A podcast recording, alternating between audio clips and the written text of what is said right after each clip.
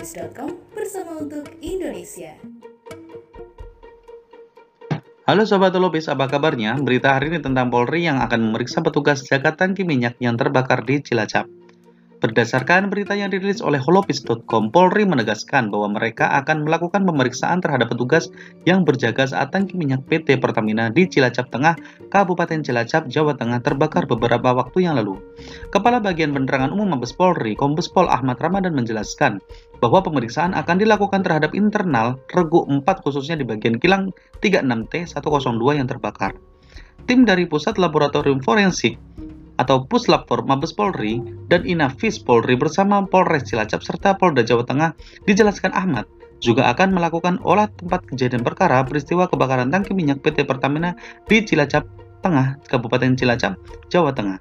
Proses olah TKP digelar setelah lokasi dinyatakan aman. Kobaran api akibat kebakaran kilang minyak itu diketahui baru padam pada Minggu 14 November pagi kemarin. Tidak ada korban jiwa dalam peristiwa kebakaran yang terjadi di Cilacap. Untuk sementara diperkirakan kerugian material masih dalam penyelidikan oleh petugas kepolisian.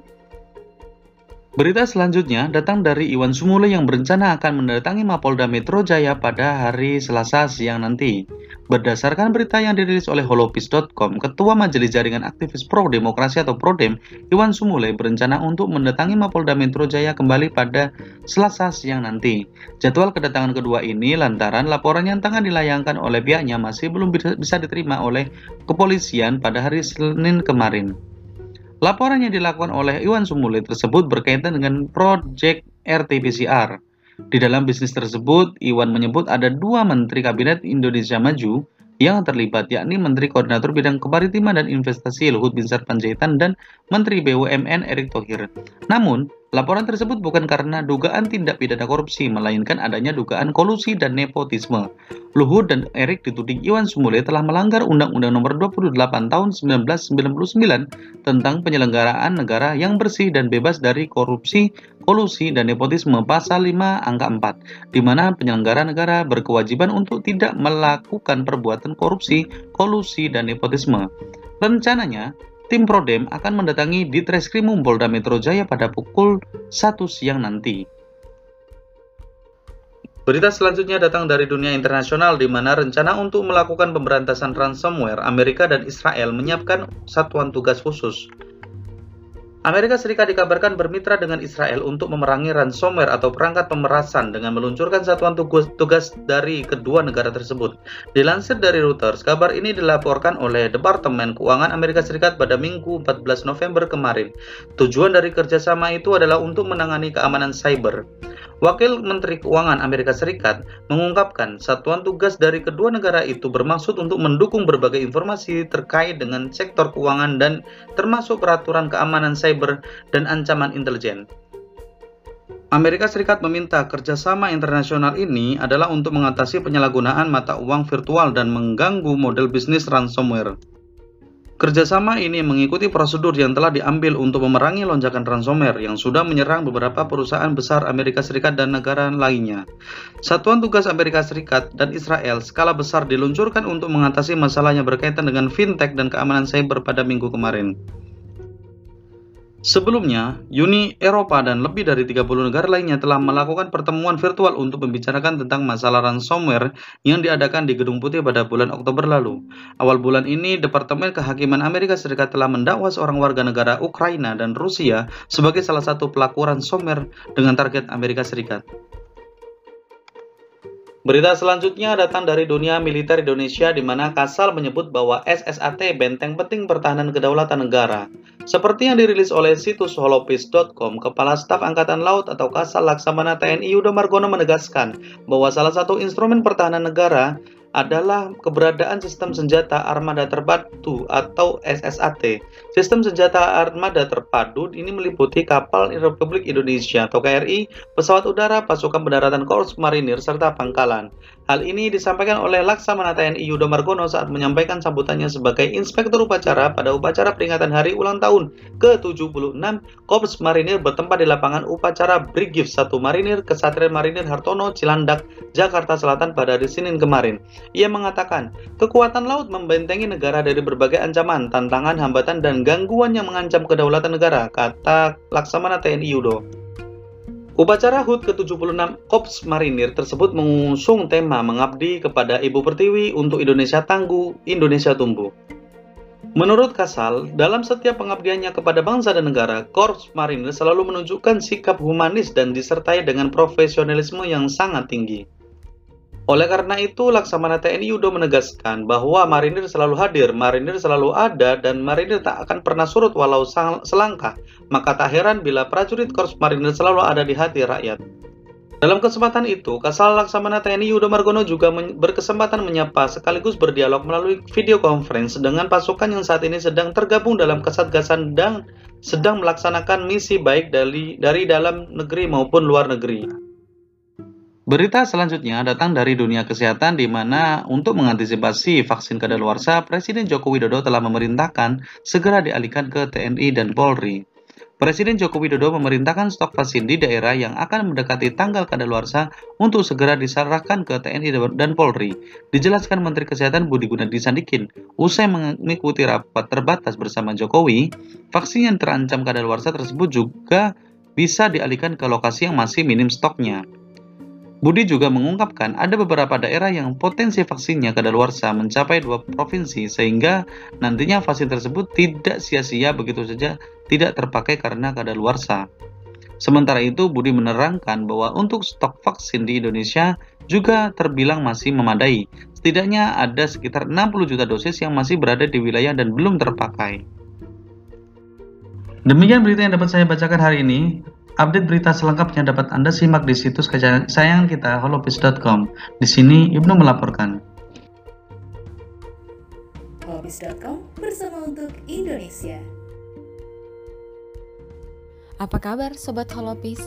Masih bersama saya Fiska Dwi Astuti yang akan membacakan rekaman berita yang dapat Anda baca selengkapnya di holopis.com.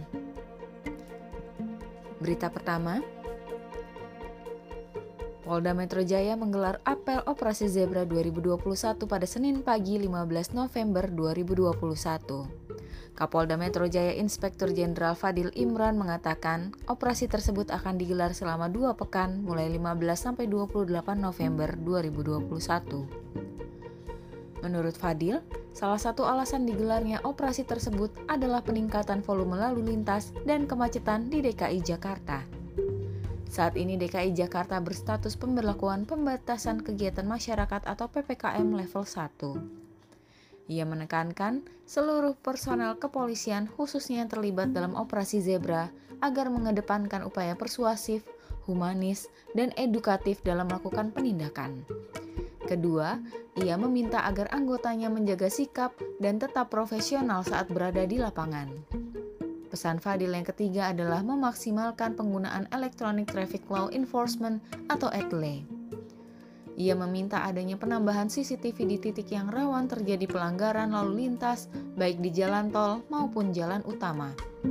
Menurut Fadil, sampai saat ini masih banyak ditemukan pelanggaran peraturan lalu lintas seperti penggunaan knalpot bising, rotator, dan sirine yang tidak sesuai peruntukan serta tanda nomor kendaraan yang dipasang pada tempat tidak sesuai pabrikan.